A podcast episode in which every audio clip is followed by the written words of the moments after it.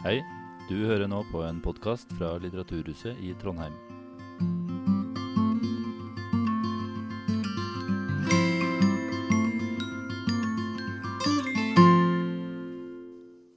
God kveld. Eh, jeg ønsker velkommen på vegne av Jødisk kulturfestival Trondheim 2020. Eh, vår festival ble ikke helt i den størrelsen som vi hadde planlagt. Vi hadde et uh, stort program. Festivalen er ti år i år. Men vi har bestemt oss for å bruke en litt alternativ tellemetode. Og start, bru, sier at den første festivalen var nullte år. Så da kommer vi til ti neste år. Så da håper vi å ha muligheten til å markere eh, det tiårsjubileet i all sin trakt eh, i 2021. Eh, på programmet, det opprinnelige programmet Ja, det var fint. Det er fra vår egen arrangementskomité. Så det er bare å gå og skamme seg. ok. Eh, ja, som sagt, vi hadde et, eh, et, stort program. Og i det programmet så inngikk Nina Grünfeldt. Og da tenkte vi, vi Det satt jo veldig langt inn å avlyse eh, festivalen. Så når vi fikk tenkt oss litt om, så tenkte vi at nei, vi, vi må gjennomføre noe. Og da ble det veldig krevende å gjennomføre sånne ting som konserter og sånne ting. Men vi ville ikke avlyse Nina. Eh, og Nina har vært på vår festival flere ganger. Eh, og snakka både om film og litt bok og litt flukt og, og barnehjem og det jødiske barnehjemmet og sånn. Eh, og har hatt det har vært veldig vellykka ting. Og det skjønner vi jo når vi så interessen rundt foredraget her også. Eh, så ble det utsolgt ganske fort.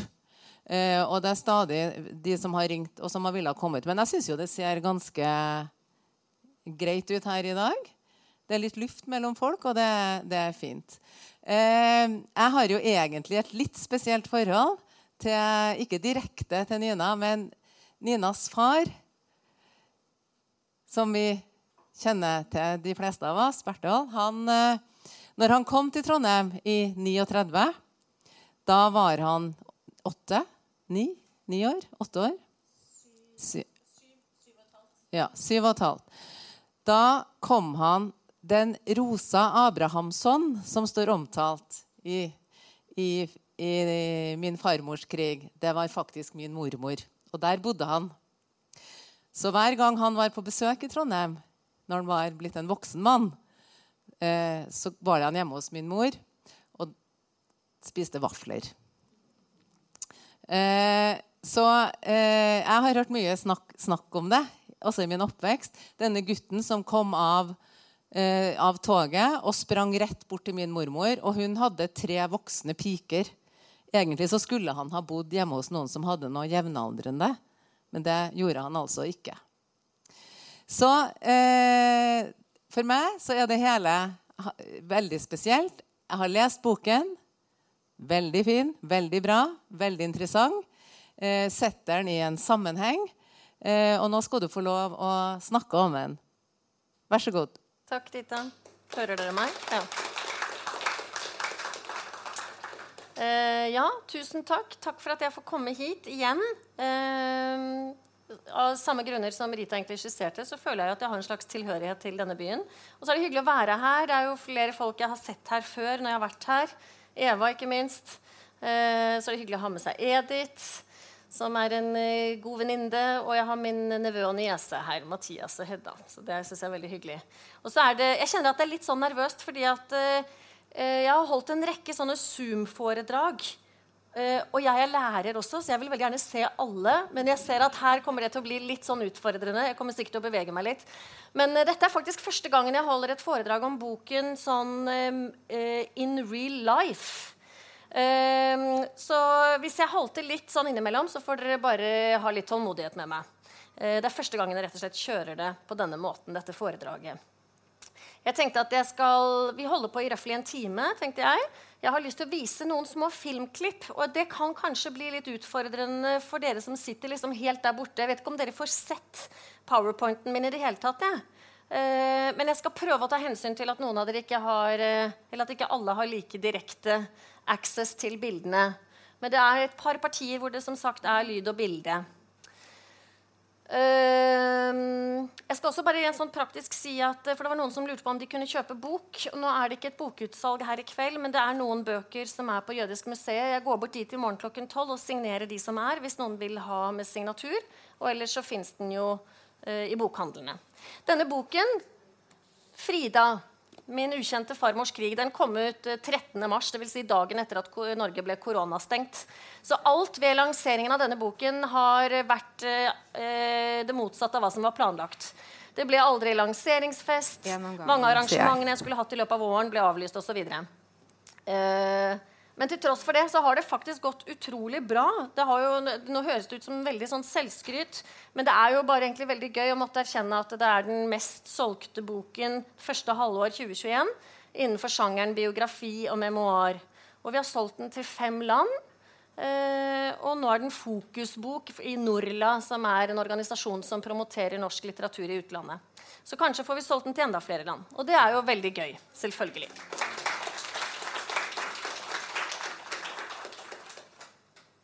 Håper jeg får den her til å virke. Ja, veldig kort om meg. Jeg er i utgangspunktet filmskaper, manusforfatter og filmregissør. Og liker å jobbe visuelt. og Derfor så bruker jeg ofte bilder i foredragene mine. Eh, nå er jeg jo da blitt eh, nesten forfatterar, tenker jeg. Dette er min andre bok. Den første skrev jeg sammen med Espen Holm, 'Ninas barn', som handlet om det jødiske barnehjemmet. Uh, og når det har gått så bra som det har gjort med denne, så har jeg selvfølgelig veldig lyst til å skrive mer. Så nå koker ideene. Eh, så holder jeg mye foredrag, da. Og så har jeg en 50 %-stilling som fast førsteamanuensis ved Høgskolen i Lillehammer. Hvor jeg underviser i det å lage dokumentarfilm. Eh, jeg må nesten røre Jeg kommer til å røre litt på meg, tror jeg dere. Frida. Frida er en uh, fortellende sakprosa. Og fortellende sakprosa er jo fakta men i en sjanger hvor vi bruker jeg skal ikke si fiksjonelle virkemidler, men vi vil gjerne at dere som leser boken, skal oppleve det på en sterk, fortellende måte. Narrativ måte. Altså, drømmen er jo på en måte liksom dette at det skal bli en sånn page-turner. Noen av dere har kanskje fått med dere har vært en debatt gående i sommer mellom akademikere og journalister, hvor akademikerne mener at journalistene er lemfeldige med fakta, og hvor journalistene mener at akademikerne er kjempekjedelige. Eh, hvor jeg står i dette landskapet, det vet jeg ikke helt. Men for meg er det viktig med min filmbakgrunn å tenke dramaturgi. Så fortellende sakprosa, i motsetning til sånn ren faktuell eh, bok, har vært viktig for meg. Den handler om Europa eh, i mellomkrigstiden og om den nye nasjonen Tsjekkoslovakia som oppstår etter første verdenskrig som en ny nasjon. Eh, og det handler om denne regionen i Europa, fortalt gjennom Frida, min farmors liv. Eh, og så handler den også om å finne Frida.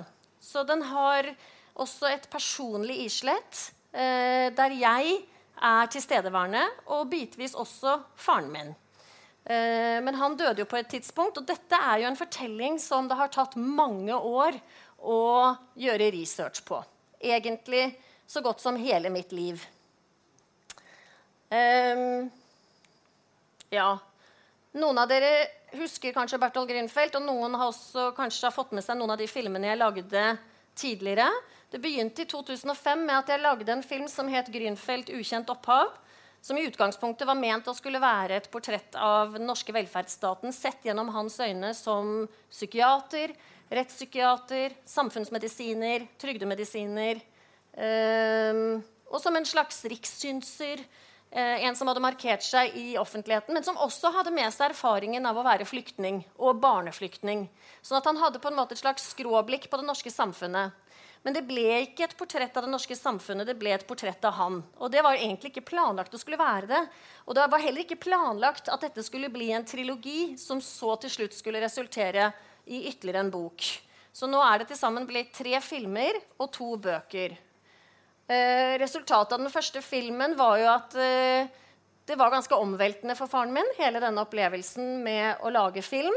Eh, og etterpå, et, drøyt et år, eh, halvannet år senere, så ble han veldig syk. Og tenkte at nå har jeg kort tid igjen, jeg vil gjøre noe spennende. Så da hadde han lyst til å lage film igjen. Og det resulterte i at jeg lagde en film hvor jeg fulgte han inn i døden. Og det ble en litt sånn deprimerende affære. Eh, så gikk det mange år. Og det er litt sånn, Dette her har jo da som sagt pågått ikke bare siden 2005, da den første filmen kom, men egentlig tilbake til 80-tallet, da jeg reiste på interrail aller første gang og prøvde å finne noen spor etter farmoren min, som jeg da også skriver om i boken. I 2014 1314 så ville NRK begynne å forberede seg til 70-årsmarkeringen etter andre verdenskrig og hadde lyst til at det skulle bli laget noe om den jødiske beretningen som ikke var Max Manus og ikke Gutta på skauen og ikke Kongens nei, men kanskje noe om jøder, kanskje noe om barn, kanskje noe om kvinner. Og da var det jo en fortelling jeg satt på, som egentlig var som klippet og skåret for akkurat det, nemlig historien om det jødiske barnehjemmet. Eh, Nina, som var forstanderinne på det barnehjemmet, er kvinnen som jeg da er oppkalt etter. Og pappa var jo et av barna på det barnehjemmet. Så det ble da til ytterligere en film. Eh, jeg, har, jeg, pleier ofte å si når jeg holder foredrag at folk må jo tro at jeg er meshuggah, som man sier på jiddisch, altså litt smågal som eh, har fordypet meg så utrolig mye i dette. Men eh, dere kan si at, eh, eller jeg kan si at altså, det har på en måte blitt en sjanger jeg har fordypet meg i, og som jeg også bruker mye i undervisning, nemlig personlig uttrykk, personlig dokumentar, den personlige fortellingen. Jeg mener jo at alt man gjør, er personlig. Alt er personlig, og alt er politisk. Det er min hellige overbevisning. Og dette snakker jeg mye med studentene om. Eh, det behøver ikke bety at det skal være privat. Eh, selv om for min del må det gjerne også være det. Jeg syns jo at eh, privat kunst også kan være spennende, men i vårt litt sånn jantepregede norske samfunnet så er det veldig tabu. Det er en stor både etisk og estetisk diskusjon som jeg ikke skal gå inn i her nå. Men det personlige uttrykket er i hvert fall det som er på en måte kilde til mye av min skapende virksomhet. Også når jeg jobber med ting som overhodet ikke handler om det jødiske eller om egne erfaringer.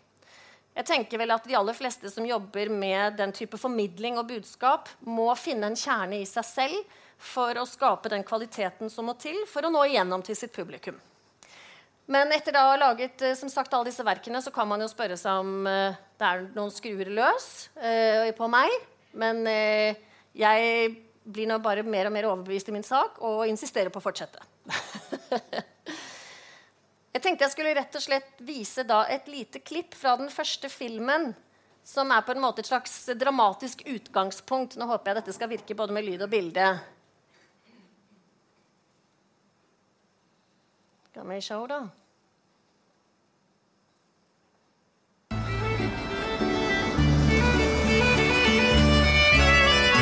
Jeg heter Nina Fredrikke og er Berthold og Gunhilds datter.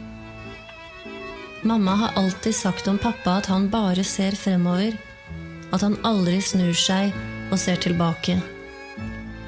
Hallo!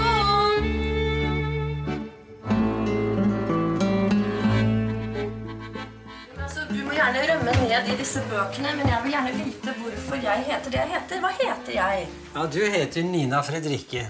Ja, og og hvorfor, hvorfor heter jeg det, da? Det skal jeg si deg, Da du ble født, så var det et dansk kunstnerpar.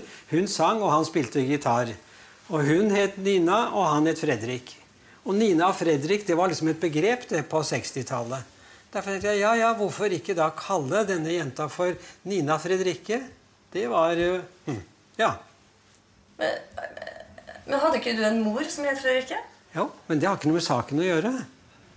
Har det ingenting med saken å gjøre? Ingenting. Så det at jeg heter Fredrikke, har ingenting å gjøre med din mor, Nei. som heter Fredrikke? Nei. Jeg vet at hun het Fredrikke. Jeg vet ikke når hun var født, jeg vet ikke hvor hun var født, og jeg vet ikke når hun døde. Hvorfor har du ikke gjort noe for å finne ut av det, da? Nei, det har jeg ikke orket. Villet eller orket? Orket. Men du har kalt meg Fredrikke? Ja. Men det har ikke noe med henne å gjøre? Nei. Og det skal jeg tro på? Ja, det kan du gjøre som du vil. Men bryr du deg ikke noe om det? Jeg skjønner ikke hvorfor du skal rote opp i det. Ja. Trodde dere på den scenen? den er jo litt iscenesatt. Eh, jeg mener at uh, budskapet i den scenen er sann. Altså, budskapet er jo at uh, han ikke vil rote i det, og at han ikke vet noe om sin mor. Men det stemmer jo ikke at jeg er oppkalt etter Nina og Fredrik. Altså, jeg, jeg er jo oppkalt etter denne farmoren som han trodde at het Fredrikke, eller Fridrika. Uh, det skulle vi jo da lære 20 år senere at det het hun jo ikke. Hun het jo Frida. Men i denne regionen så har man også gjerne mange forskjellige navn. Så hun går under navnet Frida for det meste i de aller fleste dokumenter ganske mye Bedrisjka, som er den tsjekkiske varianten av en Frida eller Fridrika. Eh, og innimellom også en Fredrika som kanskje er mer en tysk variant. Eh, men når han trodde at hun het Fredrikke, eller Fredrika, så var det fordi det var det han fikk eh, skrevet på en rekonstruert fødselsattest etter krigen. Så men det viktige for meg i denne scenen som sagt, var jo å etablere hans motstand mot å lete, og den var reell. Så jeg ga han regi i denne scenen og sa at nå skal du bare blånekte for alt det er verdt. Og jeg synes han, jeg ser innimellom at eh, det er skuespilleri der, men jeg syns han likevel klarer seg ganske bra.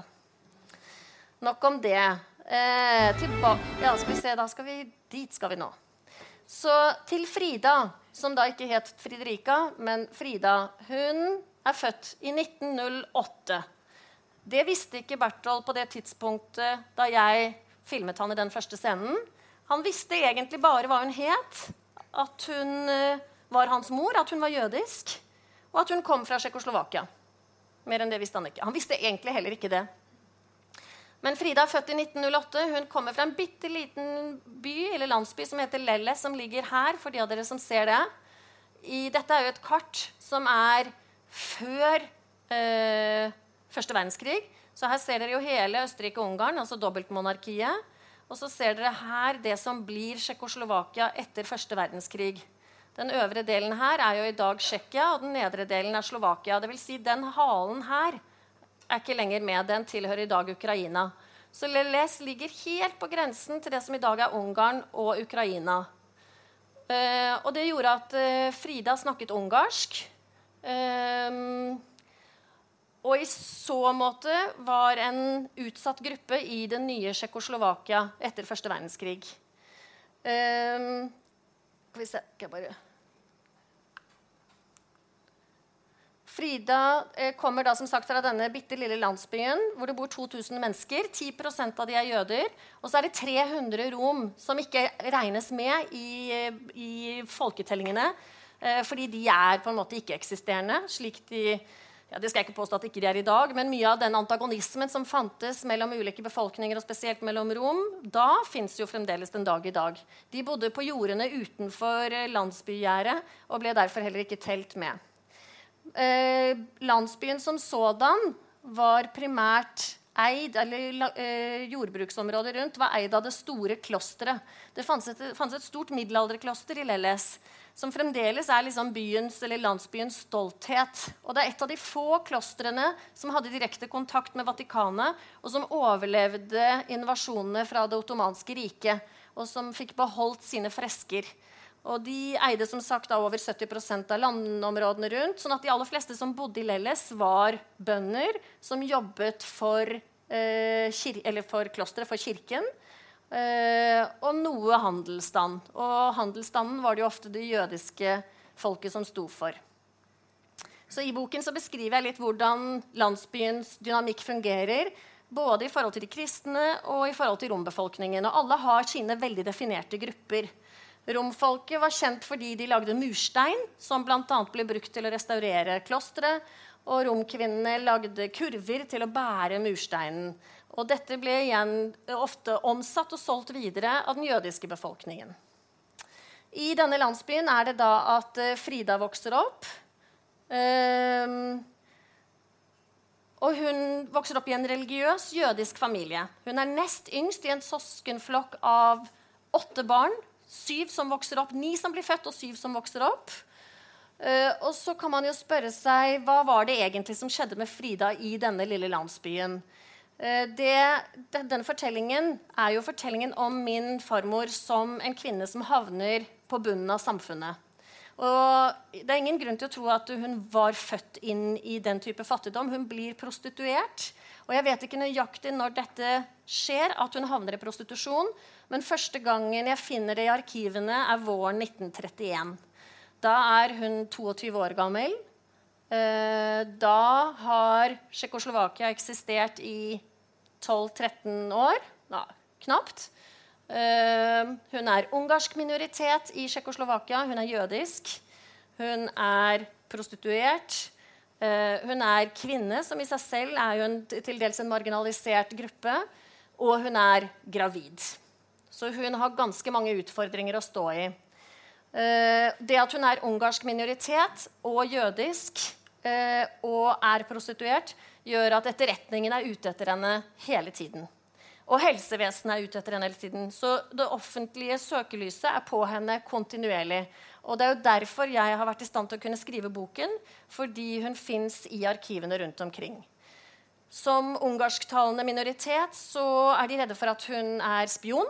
Eh, var med rette ekstremt paranoide på denne tiden. Alle som hadde mistet territoriet etter første verdenskrig, ønsket jo å få tilbake sine landområder. Eh, tyskerne ville ha tilbake Sudetenland. Østerrike ville ha tilbake deler av sin storhetstid. Ungarn ville ha tilbake hele Slovakia, eller i hvert fall den sørlige, sørlige delen. Så Polen ville gjerne tilbake med sin Pilsotski til sin storhetstid. Eh, man var redd for kommunismen og Stalin, og man fryktet den voksende fascismen som etter hvert skulle komme med Hitler. Og det da å ha eh, stor grad av ungarsk minoritet som da frontet magiarismen, altså den storungarske ideen, det var Tsjekkoslovakia veldig, veldig redd for. Og Frida var i kontakt med det miljøet. Det ble dokumentert. Hun var nok ikke noen stor spion, men hun representerte en trussel i så måte. Og selvfølgelig hennes prostitusjonsvirksomhet. Det fantes ikke gode antibiotikabehandlinger, så hun var jo en trussel mot folkehelsen. Men hvorfor havnet hun i denne situasjonen? Det skulle jeg jo selvfølgelig gjerne ha visst. Og sannsynligvis er det ikke én forklaring. Altså, Livet hennes var jo akkurat like komplekst som våre liv, og det var sammensatt. Men eh, jeg har intervjuet mennesker som kommer fra samme region, som kommer fra små landsbyer. Eh, og de har alle sammen kunnet bekrefte at i den type små landsbyer så var det trangt. Uh, det var ikke mye toleranse. I hvert fall ikke overfor jenter. En gutt som eh, løy og stjal litt, kunne man alltid liksom tilgi å være en rabagast. Men en ung jente som kanskje flørtet litt for mye, eller sang litt for høyt eller danset litt for fort, uh, ble fort uglesett. Og trådde du først feil med den ene foten, så visste alle at det ville skje raskt. Også med den andre foten. Kanskje var det det som skjedde med Frida. Kanskje var familien litt dysfunksjonell. Det fins historier med de andre barna som jeg har funnet etter hvert, som eh, kan tyde på at eh, det var dramatikk i familien. Det var jo tross alt ganske mye fattigdom. Eh, jeg prøver i boken liksom, uten å spekulere for mye og uten å lage sensasjon ut av det, men var det en dysfunksjonell familie? Kan Frida ha hatt en ADHD?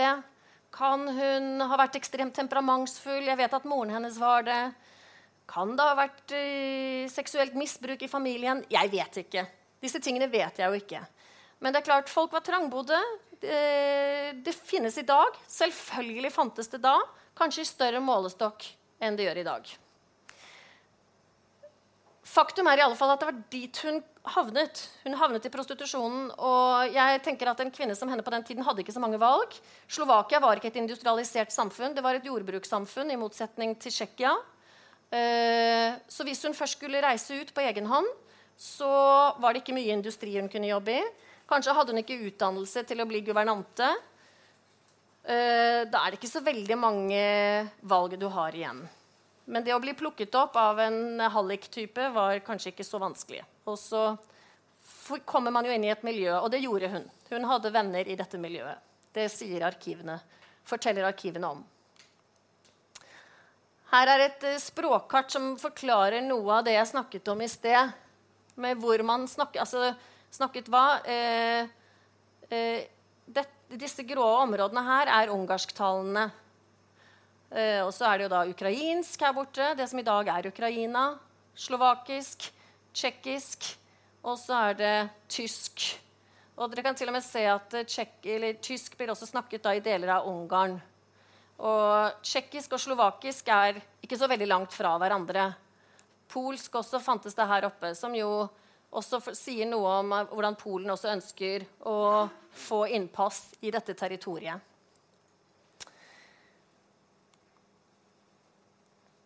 Som sagt, Faren min visste i utgangspunktet egentlig ingenting om sin mor inntil vi lagde denne filmen i 2005.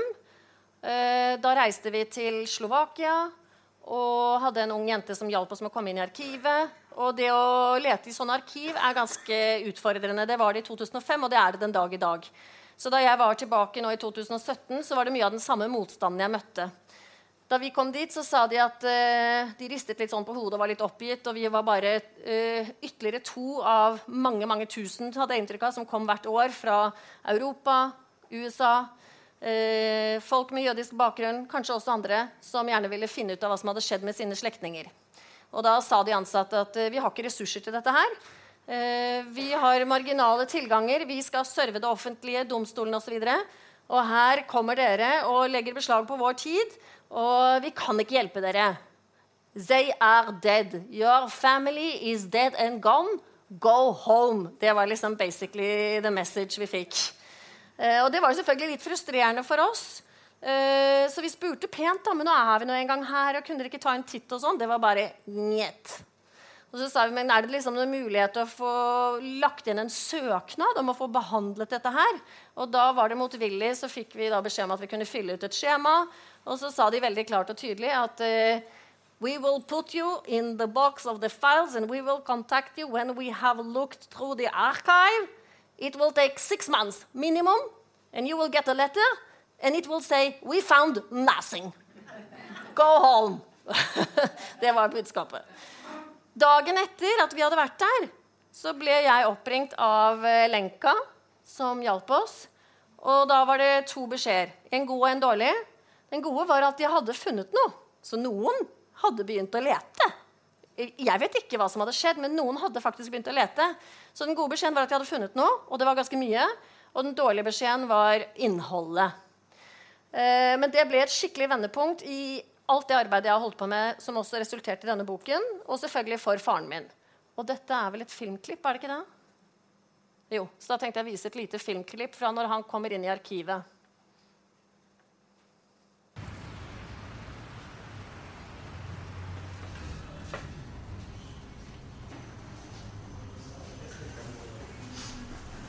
A tu sa spomína v 39., že sa stará o seba a o dieťa.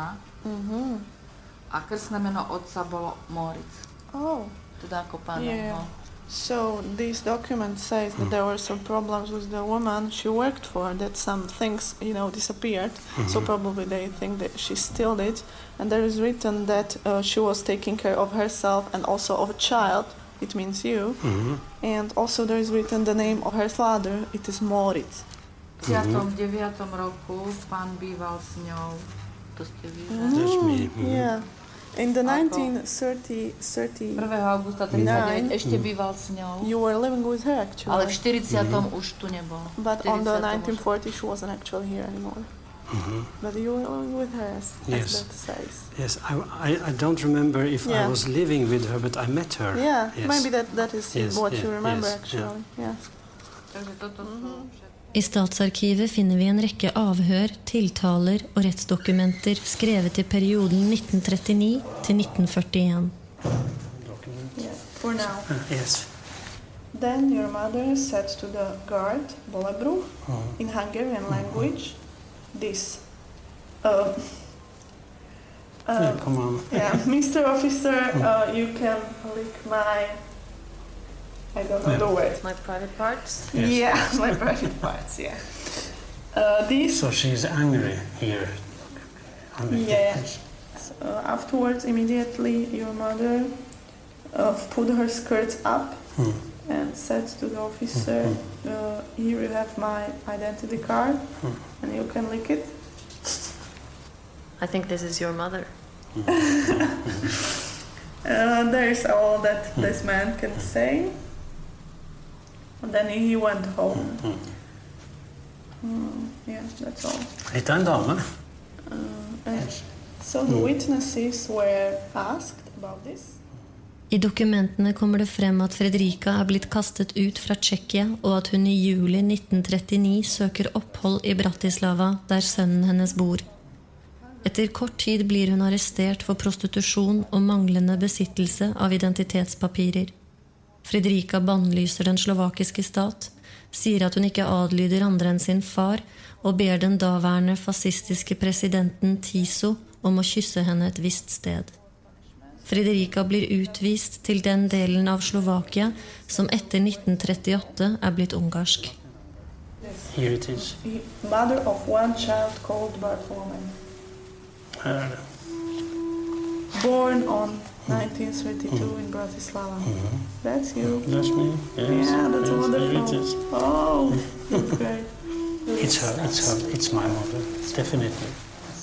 So, uh,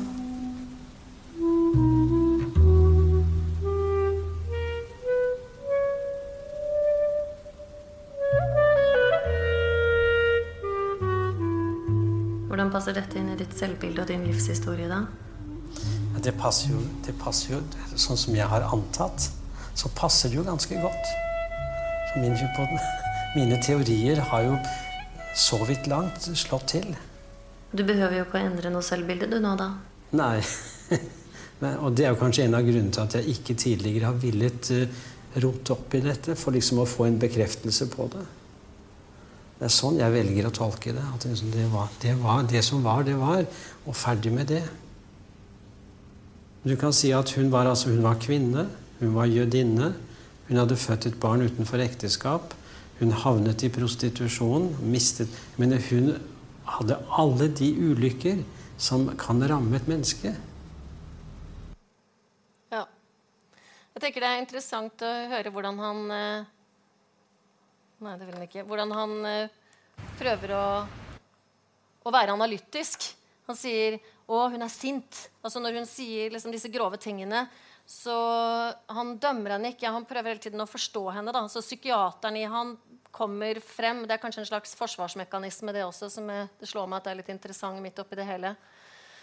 Det som har skjedd med henne, er jo da at eh, Og som det kommer fram i den scenen også Hun er da sommeren 1939, slutten av juli. Dette er en måned før andre verdenskrig begynner. Så er hun blitt kastet ut av Tsjekkia. På dette tidspunktet så har jo Tyskland våren 1938 gått inn i, i, i Østerrike, Anschluss. Slått sammen Tyskland og Østerrike. Samme høst, 1938, går de inn i Sudetenland. Og I løpet av det nærmeste halvåret fram til våren 39 så truer de da Tsjekkia og Tsjekkoslovakia hele tiden inntil Obenes, som da på det tidspunktet er eh, tsjekkisk statsleder, han forsvinner i eksil til London. Eh, og i løpet av våren 39 så fins ikke lenger Tsjekkoslovakia. Eh, da er det blitt pulverisert igjen. Og Tsjekkia altså Bøhmen-Meren blir et tysk protektorat. Og Slovakia blir en fascistisk lydstat med pater Tiso som statsleder. Eh, Ungarn får tilbake denne sydlige delen av Slovakia. Og Horthy, som er statsleder der, er jo også alliert med Hitler. Og I dette landskapet er det da Frida befinner seg og blir kastet ut av Tsjekkia. Eh, alle tjekker, slovakere i Tsjekkia blir kastet ut, og vice versa. Tsjekkere i Slovakia blir også kastet ut. Og Hun kommer da eh, helt i slutten av juli til Bratislava og har da ikke vært der på mange år. Hun har levd et omflakkende liv i Praha, hvor hun har flyttet nesten hver uke. Om ikke hver uke, så i hvert fall hver andre-tredje uke. Det fins dokumenter som ja, jeg tror jeg har et som jeg skal vise dere senere, som viser hvor ofte hun flytter. Ehm, jeg tenkte å lese bitte litt fra boken om akkurat dette. Like etter Fridas ankomst til Bratislava lørdag 29.07.1939 ble hun fraktet til politistasjonen i Spitalskagaten 14. Det er den bygningen der. Ops, der. En institusjon hun skulle bli godt kjent med i det kommende året. Inne på avhørsrommet nevnte ikke Frida med et ord at hun var jødisk eller prostituert. Derimot var hun opptatt av å få tilbake pengene hun mente urettmessig var blitt tatt fra henne på politistasjonen i Praha. Øverst på det ferdigtrykte skjemaet sto det med fete typer Politidirektoratet i Bratislava rapport. Politibetjenten som skrev rapporten, tok seg ikke bryet med å føre inn klokkeslettet. Kanskje var det mange andre som også skulle avhøres denne lørdagen, nå som alle slovakere ble kastet ut av Bøhmen og Meren, og vice versa. Frida forklarte. Jeg har arbeidet i Tsjekkia som kassadame i ti år ved ulike bedrifter. For omtrent en uke siden gjennomførte, gjennomførte politiet en stor razzia der alle slovakere ble anholdt, kvinner som menn. Jeg ble også anholdt. Sammen med meg ble alle disse menneskene holdt i arrest hos politiet i tre-fire dager. Deretter ble vi i etapper med tog transportert til grensen. Politiet i Praha tok alle pengene fra oss. Jeg hadde 1000 kroner ved arrestasjonen. Det var mye penger. Vi var ca. ti kvinner som ble fraktet til grensen. Mine penger ble brukt til å dekke reiseutgifter for oss alle. Jeg ble ikke spurt om dette og fikk ikke mulighet til å samtykke eller protestere. Tatt i betraktning at jeg for tiden står uten midler, jeg har ikke engang penger til mat, ber jeg om oppholdstillatelse i Bratislava, hvor jeg håper å kunne finne arbeid. Jeg ber herved om at jeg ikke sendes ut av Slovakia. Selv om jeg sogner til Ungarn og således hører hjemme der, har jeg ingen der lenger. Jeg har ikke mer å meddele. I protokollen ble det gjort en prodomo, en tilførsel, der saksbehandler uttalte Tatt i betraktning at nevnte person, jf. rundskriv fra Innenriksdepartementet, er utvist fra Slovakia og ikke kan dokumentere sine påstander, er det mistenkelig at hun med sin forklaring nå vil erverve oppholdstillatelse i Slovakia. Saken betraktes som ufullstendig belyst. Fridas opplysninger var omtrentlige. Det stemte ikke at hun hadde bodd i Praha i ti år, snarere fem. Ei heller at hun var blitt frastjålet 1000 kroner, men omtrent halvparten. Frida hadde lite å tape på å legge litt til og trekke litt fra. Det var slik man overlevde. Sannsynligvis trodde ikke politiet på henne da hun sa at hun ville finne seg arbeid i betydningen av en anstendig jobb. Det kan hun ikke ha trodd på selv heller. Etter så mange år som prostituert hadde hun bare én vei å gå den samme. Det som skjer, er jo at hun ganske så snart eh, går til Jan Molnar, fosterfaren til Berthold, hennes sønn.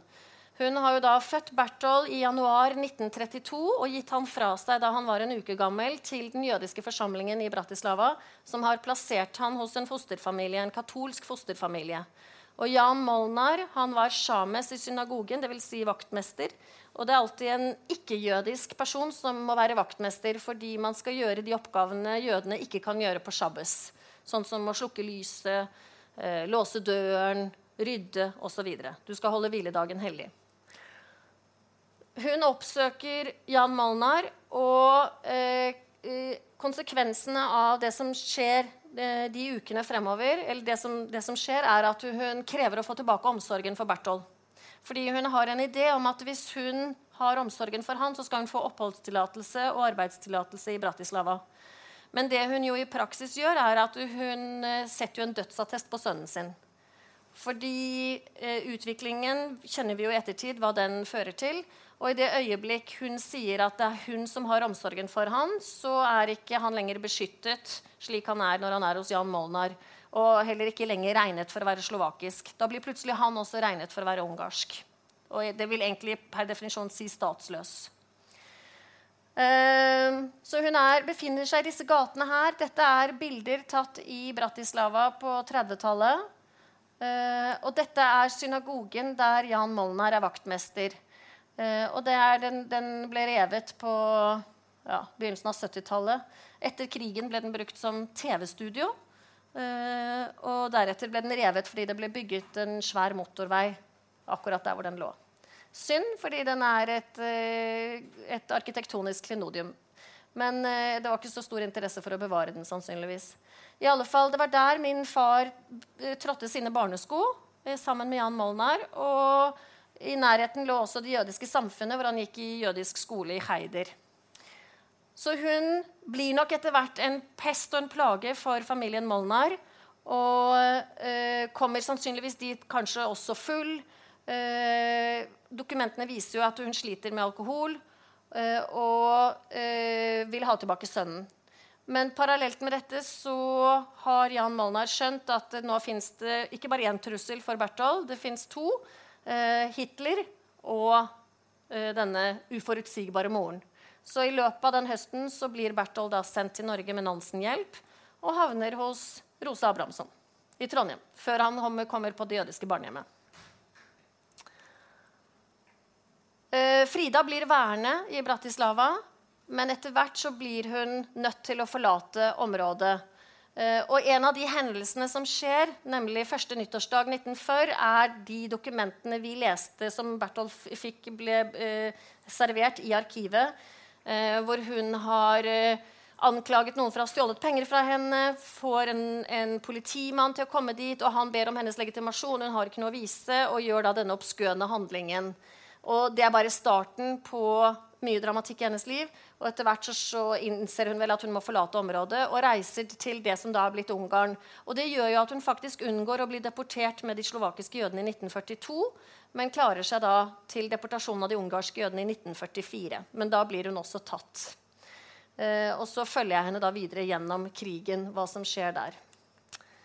Ja 10-15 år senere, at faren min og jeg var i arkivet, så får jeg et stipend fra de faglitterære. Og jeg tenker at det er jo en episk beretning om Frida der som må fortelles. Um, så da begynner jeg arbeidet med denne boken. Heldigvis så kom jeg i kontakt med Shush, som noen av dere ser bilde av her. Shoshana. En uh, fantastisk jente jeg ikke kunne klart meg uten. Hun er slovakisk. Hun snakker ungarsk, slovakisk, tysk, engelsk, spansk, romani. Hun har en doktorgrad i lingvistikk og på romkultur. Um, hun kommer fra nabolandsbyen til Lelles, og hun har den innstillingen at hun bare ikke gir seg på ville møkka.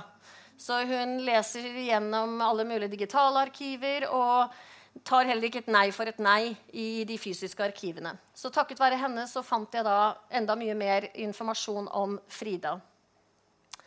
Um, Sammen med henne så besøkte jeg en rekke steder som gjorde at jeg fikk en fornemmelse av hvordan det kan ha sett ut og vært. Og det trengte jeg for å skrive teksten. Eh, vi gjennomførte en rekke intervjuer med gamle mennesker som er i live, eller i hvert fall var i live i 2017. Eh, som ble en del av kildematerialet.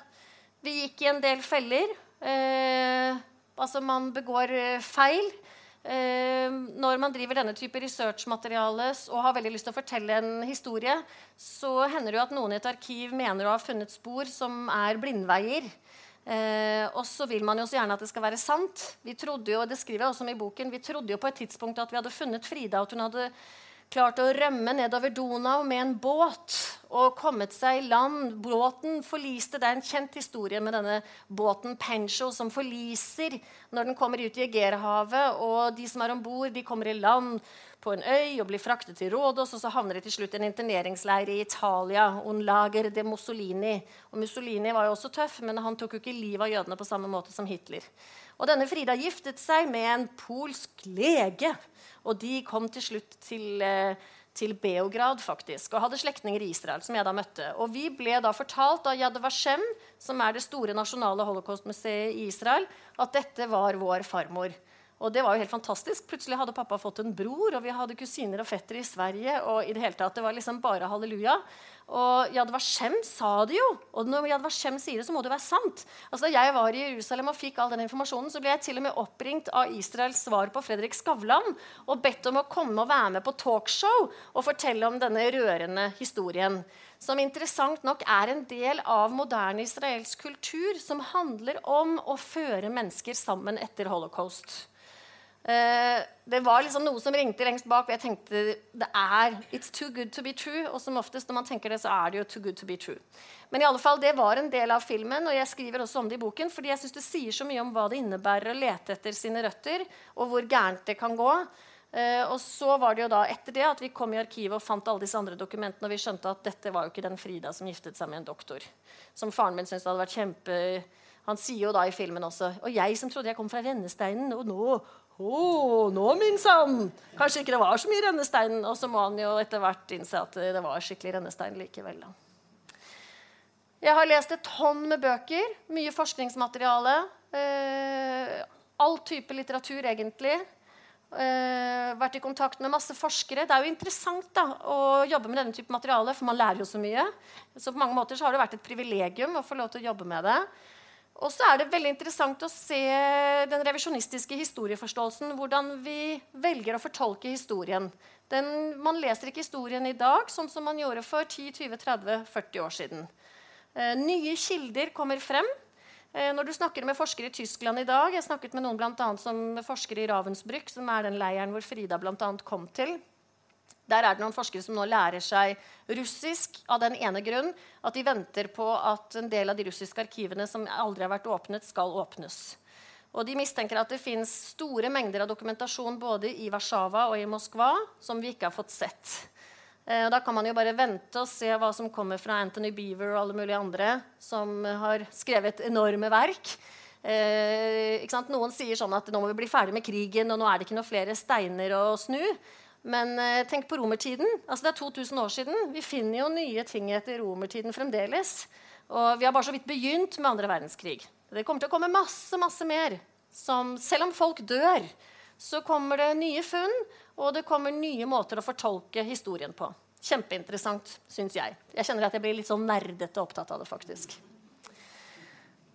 Samarbeidet med forlaget var selvfølgelig helt uh, crucial, avgjørende. Ikke minst fordi jeg har hatt en helt fantastisk redaktør, Iris, Eh, da jeg kom inn i, og så synes jeg en sånn, litt sånn søt anekdote, da jeg kom til Aschehoug, så skulle jeg ha eh, Jan, som er sjefredaktør i Faktaavdelingen, som min redaktør. Kjempefint, veldig bra, Men Jan var veldig opptatt. Så plutselig så sa han du, vi har fått inn en ny jente her.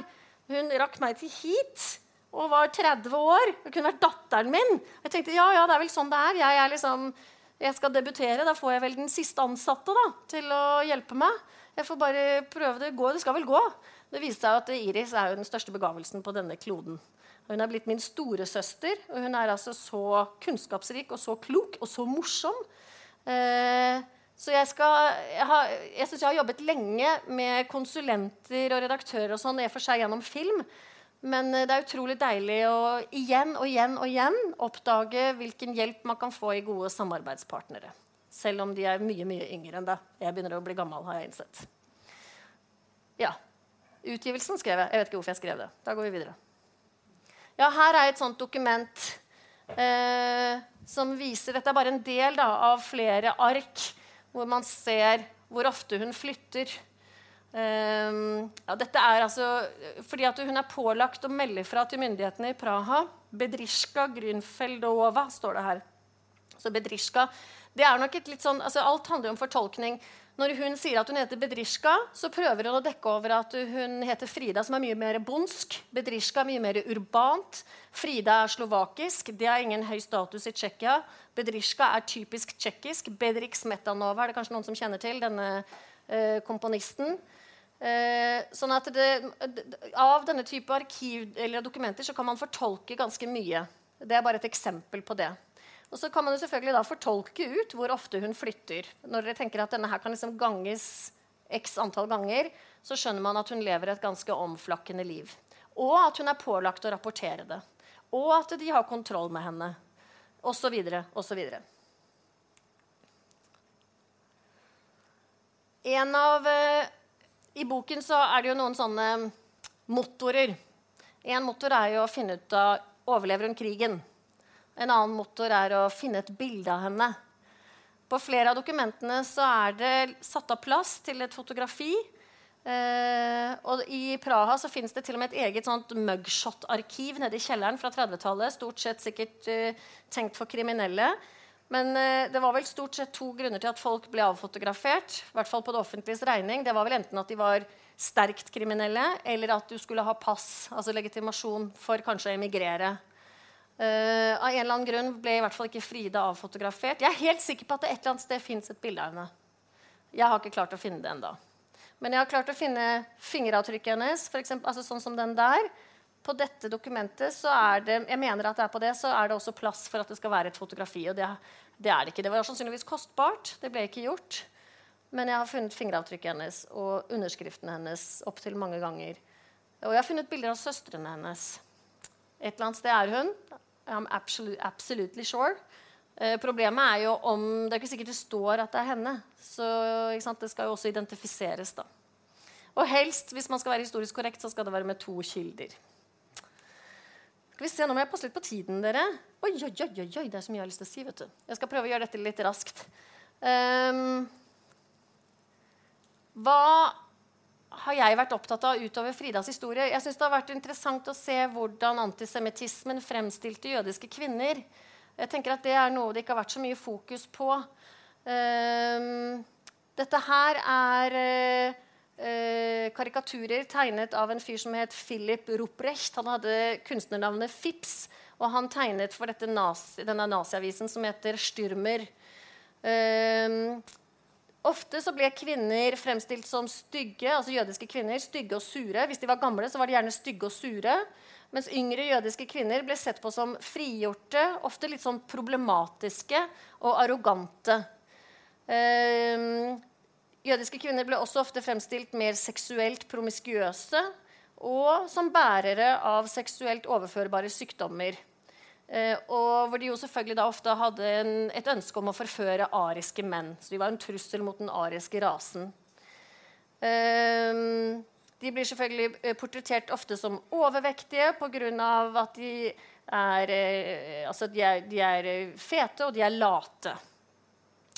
Eh, så dette var et slags sånn nidbilde av jødiske kvinner i karikaturene.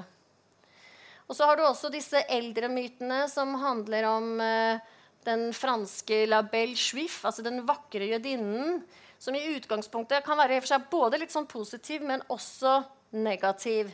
Sara Bernard hadde jo denne eh, La Belle Schwiff-rollen, Salome. Salome som ber om døperen Johannes' hode på et fat. Uh, Gustav Klimt han har jo denne kjente maleriet av Judith, som hugger hodet av Holofernes for å redde sin hjemby Betulia fra den syriske armeen. Uh, og Klimt gjør jo Judith til en femme fatale. Det er jo litt sånn type Munchs Madonna. ikke sant? Så det er klart at de er farget av sin tid. Men dette er jo da også sett inn i en jødisk kontekst. Eh, og Myten om La Belle Juif den strekker seg tilbake til middelalderen og kom gjerne i to versjoner. Den positive, hvor hun ble fremstilt som nobel, intelligent, ren og lojal, og assosiert ofte med jomfru Maria. Eh, og der de jødiske kvinnene gråt ved Jesu grav. Så der fantes det en slags kon en konnotasjon til den kristne mytologien. da. Men den andre versjonen var eh, den rake motsetningen. I denne myten ble den kvinnelige jøden fremstilt som slu, koketterende, farlig, destruktiv og seksuelt utagerende. Felles for dem begge var at de distraherte den mannlige kristne helten, og at hennes skjebne alltid endte tragisk. Ja, og I propagandaen så ble det jo veldig ofte fremhevet da kvinner som var etter datidens altså, Man snakket om kvinner eller mennesker som stygge. Jeg synes Det er vanskelig å si i seg selv. Mennesker er jo ikke stygge. Men eh, for dem var det et poeng å fremheve og da gjerne plukke opp mennesker som var veldig utsatte, fattige, eh, marginaliserte. Og trekke det frem som om det representerte enn en, altså representerte hele gruppen. Og selvfølgelig også masse konspirasjonsteorier satt inn i pressen i system om mafia og nettverk og sluhet osv. Og det er klart at Frida, ut ifra det vi nå vet om hennes liv og tilværelse, så passet jo det på en måte Mange av den, denne type fremstillinger eh, ville jo hun fort bli offer for. Ellers, hva har jeg lært? Jeg syns jeg har lært noe om at eh, Uh, altså jeg tenker ofte Når man snakker om krigen, så, det, så tenker man at i konsentrasjonsleirer så var det en sånn total orden. Uh, nå har vi jo en her som har vært i leir her i dag, uh, og som vet mer om dette enn meg. Men min lesning og min erfaring er at ja, sånn som Auschwitz og andre leirer var total orden, men det var også total kaos. Og det var endring over tid. Og i 44 og 45 så var det ikke sånn som det var i 42 og 43. Um, I den moderne forskningen så kommer det også sterkere frem dette som på engelsk blir kalt for sexual barter, altså seksuelle tjenester, som skjedde i mer og mer utstrakt sammenheng mot slutten av krigen. Uh, på et tidspunkt var det ikke mulig fordi kvinner og menn var helt atskilt. Men det var deler av leiren. Det fantes andre deler av leiren og leirene hvor menn og kvinner hadde kontakt. Uh, og ikke minst også hvor kvinner i større grad ble utnyttet av menn som var kapoer. Altså hvor det hadde i forhold til uh, altså hierarkiet i leirene. Uh, jeg har på en måte lært at det fins ikke én sannhet. Det fins bare tusen sannheter verden under krigen var like mangfoldig, om ikke mye mer mangfoldig, enn vår tilværelse i dag, og mye mindre forutsigbar. Jeg tror kanskje vi skal hoppe over det, i og med at uh, tiden går litt fort. Og kanskje noen har noen spørsmål òg. Skal vi se Ja. Frida blir tatt våren 44, sommeren 44 sammen med de ungarske jødene. Hun kommer til Auschwitz. Eh, tyskerne vet hvor det bærer. Eh, de kommer til å tape krigen. og ganske snart, på slutten av 44, så blir også store deler av Auschwitz og gasskamrene demolished, revet. Uh, sommeren 44 så har Hitler et stort prestisjeprosjekt på gang, nemlig sine jagerfly Messerschmitt 626. 262. To, ja, en av delene. Uh, han trenger en rullebane til disse flyene. Uh, en rullebane i betong. Det har aldri blitt bygget før. Og den skal han bygge på Frankfurt am Main, som på det tidspunktet er en militær flyplass. Slik alle flyplasser egentlig var på den tiden. Så Frida blir sammen med 1700 andre jødiske kvinner fra Ungarn fraktet fra Auschwitz til Waldorf utenfor Frankfurt am Main og bygger den høsten verdens første rullebane i betong. Når den er ferdig bygget, så skal de tilbake til Auschwitz. Men da er jo Auschwitz i ferd med å bli revet, så da kommer de til Ravensbrück. Og i Ravensbrück blir det i januar 45, eh, for meg helt absurd, bygget et nytt gasskammer. Eh, Otto Moll blir hentet fra Auschwitz og setter alt dette i system. Og perfeksjonerer all den kunnskap og kompetanse om man kan kalle det det, derifra til å, eh, og fortsetter det i Ravensbrück. Jeg skal ikke si nøyaktig hva som skjer med Frida, eh, men jeg har vel kanskje hintet noe om det. Og så kan man lese om det i, i boken. Jeg hadde lyst til å bare lese en bitte, bitte liten bit om dette med å å um, finne rett og feil, holdt jeg på å si. Jeg var i Waldorf og besøkte Cornelia Rylig, som er en sånn lokalhistoriker som har kjempet og åndet for å grave frem den leiren som var i Waldorf. Uh, og så skriver jeg da Dagen etter kjørte Cornelia meg til flyplassen Frankfurt am Main. Vi passerte rullebanen der Frida hadde arbeidet. Jeg fortalte om dokumentet fra arkivet i Budapest som sa at Frida hadde vært i en leir ved navn Midtveida, og spurte Cornelia om hun trodde det var før eller etter at Frida ankom Waldorf. Så langt jeg hadde klart å finne ut, var Midtveida en liten leir i Østerrike med rundt 300 fanger. Den eksisterte kun i noen måneder i 1944 og var en av de flere titalls tusen fabrikkene, bondegårdene og anleggene som trengte midlertidig arbeidskraft i krigens siste år. Det er nok en misforståelse, sa Cornelia. De har skrevet feil på dokumentet. Frida var ikke i mitt Veida. Hun ble sendt til mitt Verda med R. Noe langt verre. Så Det er også en sånn eksempel på hvordan man kan gå seg vill. I Europa under andre verdenskrig så var det, jeg pleier ofte å spørre folk om de kan gjette hvor mange leire Hvis du definerer alt som bruker slavearbeid under krigen, hvor mange leire var det i Europa? Noen som har lyst til å gjette? 40 000. Det er ganske mange. Men da snakker vi om alt. altså Også en større bondegård som f.eks. fikk 100 slaver til bruk i seks uker, er da også definert som en leir. 40 000. Ja, da tror jeg vi skal bare fort egentlig nærme oss slutten. Uh, ja. ja. Jeg hadde lyst til å si noe om det òg, da det skapende arbeidet. Jeg føler at jeg har vært en detektiv. Boken er en detektivhistorie. Jeg prøver å løse en gåte. Den uh, har en helende perspektiv for min egen del. Det, det, er noe terapeutisk i det. Jeg har et behov for å skape orden og legge puslebrikkene på plass og forstå helheten. Um, jeg er opptatt av ondskapens problem som holocaust. Og så tror jeg nok etter hvert at dette har handlet mer og mer for meg selv om Jeg definerer meg jo som jødisk. Eh, og jeg har hørt nå, jeg har en samtale med en rabbiner i London, og hun er veldig opptatt av er du Sina-jøde eller er du holocaust-jøde. Og jeg må vel innrømme at jeg i så fall er holocaust-jøde. Dvs. Si, hvor ligger identiteten din? Ligger identiteten din i den gamle jødiske religionen med alt du gjør, og ja, altså Torah og fortolkningen av tekstene og tradisjonene? eller ligger den knyttet opp til vår moderne historie og krigen? Og For meg har den nok hele livet handlet om holocaust, men jeg er i ferd med å bevege meg videre. Kanskje blir jeg en Sinai-jøde. uh, og så helt til slutt betydningen av referanser.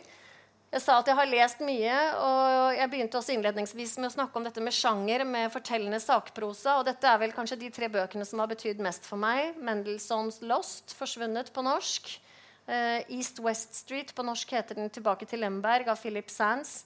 Og 'Haren med øyne av rav' av uh, Edmund Duval. Alle de bøkene har det til felles at det er en holocaust-beretning, det er en beretning om Europa, uh, og det er en personlig beretning. En person som prøver å finne svar på en gåte. Jeg tror jeg avslutter der, jeg, da. Ja. Takk for oppmerksomheten.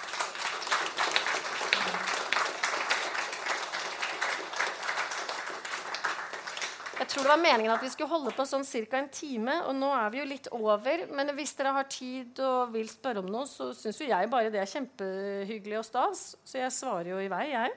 Men hvis noen må gå, så skal vi ikke binde dere fast. er det noen som lurer på noe?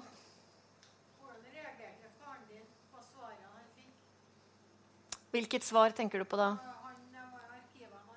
Ja. Ja, Det er et bra spørsmål. Hvordan reagerte Berthold da han fikk svarene? Altså, Det som ikke er med i filmen, eh, som ble klippet bort, det var at eh, han sa eh, til meg at eh, Nina, dette eh, har jeg jo egentlig alltid visst. Jeg har kjent det på meg, selv om jeg ikke har fått det dokumentert. Nå vet jeg det. Nå legger vi lokk på det. Dette skal vi ikke fortelle til noen. Dette skal vi holde helt for oss selv, sa han. Og jeg tenkte shit, da har jeg jo ikke noe film. Eh, og Det høres jo litt sånn kynisk ut. Og så gikk jeg liksom og tenkte på det en stund, da, og så sa jeg det at Men pappa, du er forespråker for at det er helt ok med psykiske lidelser. Det er helt ok å være homofil. Det er helt ok å ha kreft. Og, altså, han var jo en person i det offentlige rom som snakket om at tabuer skulle rives ned. Så hvis ikke du kan fortelle din livshistorie med din mor, hvem skal da, altså hvordan henger dette da sammen? Og det måtte han jo erkjenne. Så han sa at OK, vi forteller om det. Og så ble jo det et vendepunkt i hans liv. Da denne filmen ble vist på TV 2, så ble han jo stoppet på gaten. Ja. Uh, og den ble sett av veldig mange mennesker. Og, og, folk, jeg husker han kom hjem en gang. Da hadde han gått fra jobben sin i Fredriksstads gate, hvor han hadde kontoret sitt. Og så gikk han oppover gaten, og så kom det en sånn svær gelendervagen bil og bare vrengte opp på fortauet foran ham. Og Han kom hjem, han var helt sånn betuttet. Og så ut hadde kommet en veldig sånn pen, litt sånn snobbete bergenser i tweedjakke. Og sånn. Og han hadde bare løpt bort da, til pappa, og han, pappa ble jo livredd. Eh, men han sa bare 'Doktor Grinfeldt, takk skal du faen meg ha for at du har gjort det du har gjort! Du har forandret mitt liv!' og han var, pappa litt sånn liten. Han bare 'Å, herregud, jeg tror faktisk at det, at det har betydd noe. At jeg har vært åpen om det.' Så han kom liksom hjem og var litt sånn oh, og Jeg tror det var én av mange lignende opplevelser han hadde. da. Det var nok litt spesielt med denne bergenseren, som, eh, men eh, det gjorde inntrykk på ham. Hmm. Ja.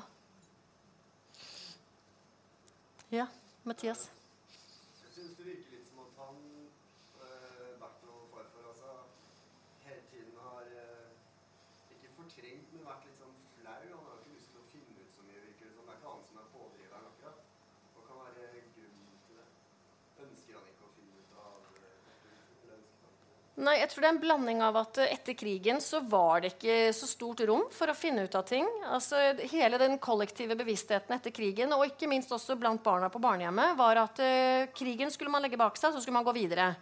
Uh, og det var, ikke, det var synd på jødene, men det var synd på alle. Og så kan man kanskje i ettertid si at det var litt ekstra synd på jødene. Uh, men for mange, altså Norge etter krigen handlet om at folk hadde mistet folk på sjøen. det var...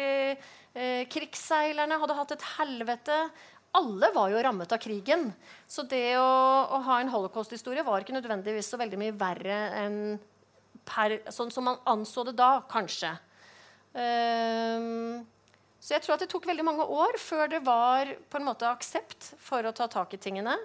Og så hadde jo han en helt sånn spesiell historie. Han var jo den eneste på barnehjemmet som ikke hadde noen familie etter krigen. Alle hadde noen fjerne, nære. De fleste hadde til og med også noen litt nærere slektninger som de visste om. Men han visste i utgangspunktet egentlig ingenting. Han hadde bare en hunch på at det var noe veldig skamfullt. Og han hadde nok alltid en eh, en drøm om å komme av god slekt. Det pleide han ofte å si, at det er et privilegium å komme fra en god slekt. Så giftet han seg med moren min, og moren min kom fra en sånn veldig traust, norsk, god familie med bønder på Helgøya og lærere og prester og misjonærer og sånn. Skikkelig sånn solide folk. Det tror jeg pappa syntes var veldig stas. Og da å være den derre sønnen av en hore, det var ikke greit. Jeg tror ikke noen egentlig syns at det er greit, altså. Eh, mine foreldre dro jo på bryllupsreise i 62 tilbake til Bratislava og fant Jan Molnar. Eh, så det var jo da 25 år etter at pappa dro omtrent. Eh, han døde året etter, og da spurte de Jan Molnar hva kan du fortelle om Frida. Og da sa han han ville ikke snakke om det. Uh, og det skriver jeg jo om her, sannsynligvis fordi at de møttes jo i retten. Det var en dramatisk fortelling. Kanskje hadde han skyldfølelse, kanskje gjorde ikke han nok. syntes han selv i ettertid. Men han sa egentlig bare to ting. Hun var pen, og så var hun ikke så veldig respektabel. Og da skjønte jo faren min at her var det ikke noe poeng å grave så veldig mye mer. Og kanskje ikke, ville han ikke si noe mer heller. Så jeg tror liksom Man må alltid se tingene litt sånn i kontekst av at datiden og hans egen skamfølelse og lagt lokk på. Og hadde ikke jeg begynt å grave, så hadde han nok aldri gått videre på det selv heller. Og Det fins også en scene i den ene filmen hvor han, han får sånn uh, fortjenestemedalje. Og så skal han holde en takketale og da bringer han opp henne, fordi da har han jo fått vite om henne. Men han, han pynter jo på tingene. Han Fremdeles så vil han ikke ta liksom, de vonde ordene helt i sin munn. Men uh, han erkjenner at hun har levd et trøblete liv, da. Mm. Ja.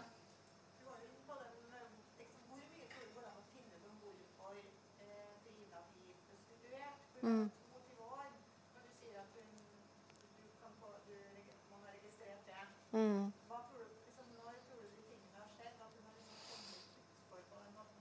Jeg vet, jeg, jeg, her, jeg vet, jo ikke. Men jeg tror at når hun, blir, når hun havner i de, Det fins sikkert tidligere dokumenter som jeg kanskje ikke har funnet. Men når hun er 22 år, så virker det som hun allerede er ganske erfaren. Så jeg tror at hun da allerede har vært i prostitusjon i kanskje alt fra fem Kanskje pluss-minus fem år, da. Jeg vet ikke. Eh, det man jo gjør i religiøse gjorde i religiøse miljøer, jødiske, er jo at man leser kaddish over de som gjør noe skamfullt. Dvs. Si at du leser dødsbønnen. Eh, det er litt sånn æresperspektiv, sånn som vi kan lese om i enkelte miljøer også i dag. ikke sant? At uh, du blir utstøtt. da. Og hvis hun gjorde noe i denne lille landsbyen som var så kompromitterende, så kanskje hun rett og slett ble lest kaddish over og måtte forlate byen. Uh, jeg, jeg, jeg, tenker, men det er jo litt sånn I min fantasi da, så tenker jeg at uh, hun har vært ganske ung, tror jeg. Uh, hun har jo en søster som også sliter i familien, og som drar av gårde etter hvert, og som er i konflikt med foreldrene. Og faren hennes svikter henne jo flere ganger og forteller politiet hva hun er for en type kvinne, og hvor hun er, osv. Uh, eh, og faren havner på et, fattig, et aldershjem for fattige jøder. Og det er klart, har jo, Da har de tre eldste barna emigrert til Amerika. Eh, men han har en datter som bor bare noen kilometer fra han i det som i dag er Ukraina, og som bor der og lever et religiøst liv med mann og barn. Eh, hvorfor bor han ikke hos dem? Det ville vært veldig naturlig. Eh, men kanskje, han, kanskje de ikke ville ha noe med han å gjøre. Kanskje han ikke var så ålreit. Eh, det vet jeg jo ikke, ikke sant? men det er litt sånn man kan spekulere litt i. da. Ja, først der, og så Ja.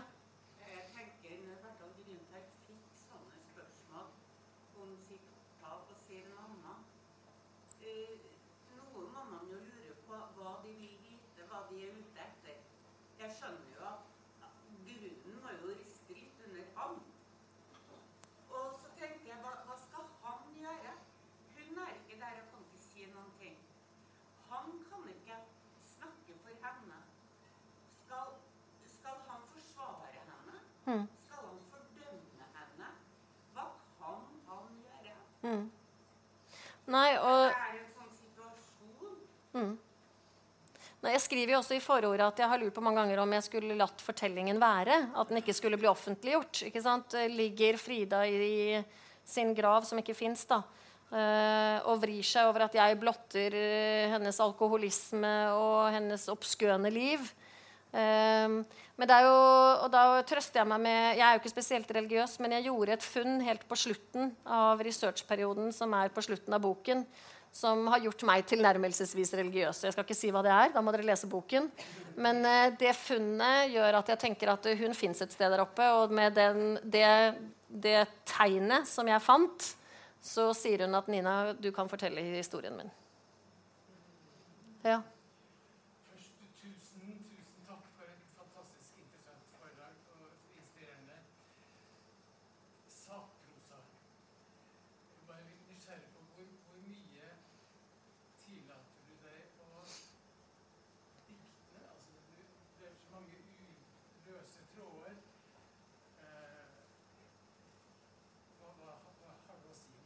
Nei, det er kjempeinteressant. Vi har hatt 1000 diskusjoner, eh, redaktøren min og jeg, og hele forlaget.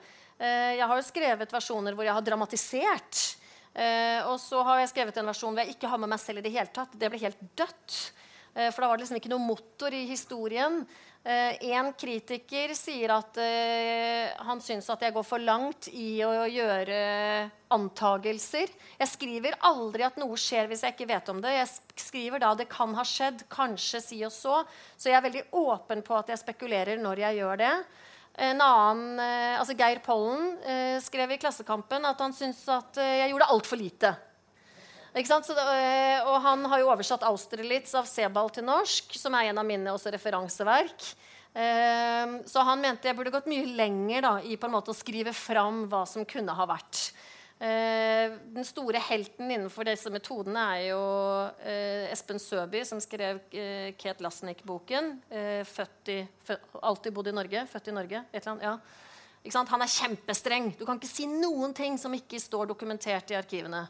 Uh, så jeg prøver jo å bevege meg i dette landskapet og føle meg rimelig sånn novise.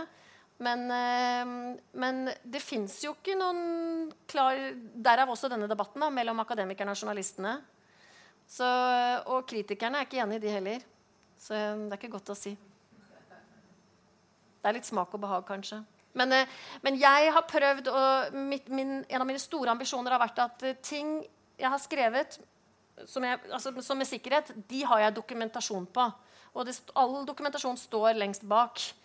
Og hvis jeg ikke vet, så jeg alltid, har jeg alltid prøvd å skrive 'kanskje'. Mm. Ja. ja. Jeg har lest uh, boka di i sommer, og jeg synes at du med å skrive boka om farmora di løfter henne opp fra å være en som blir sånn, som, nesten, som er usynlig, som er ingen. Mm.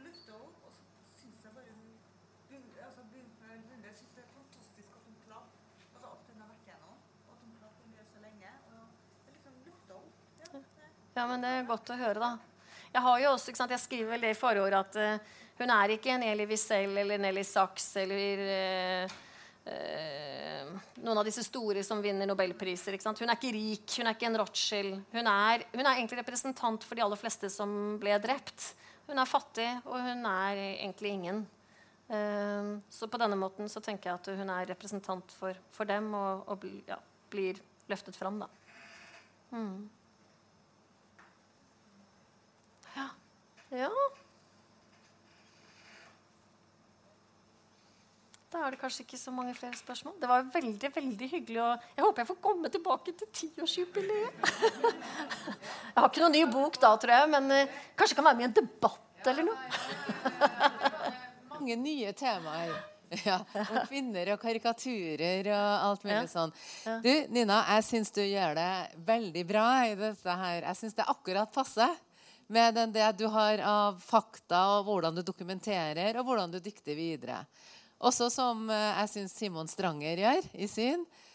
Eh, du vet nesten ikke hva som er sant, eller eh, Og jeg syns akkurat den formen for ja, sakprosa da, som går litt videre, jeg syns du gjør det veldig bra. Jeg hadde stor glede av å lese boken. Jeg leste den i ett jafs på sofaen Eh, og det må ha vært rett etter at den kom ut. Og tusen takk for et uh, veldig fint og interessant foredrag. Ja da, vi kommer til å be deg hit igjen. Ja! tusen takk.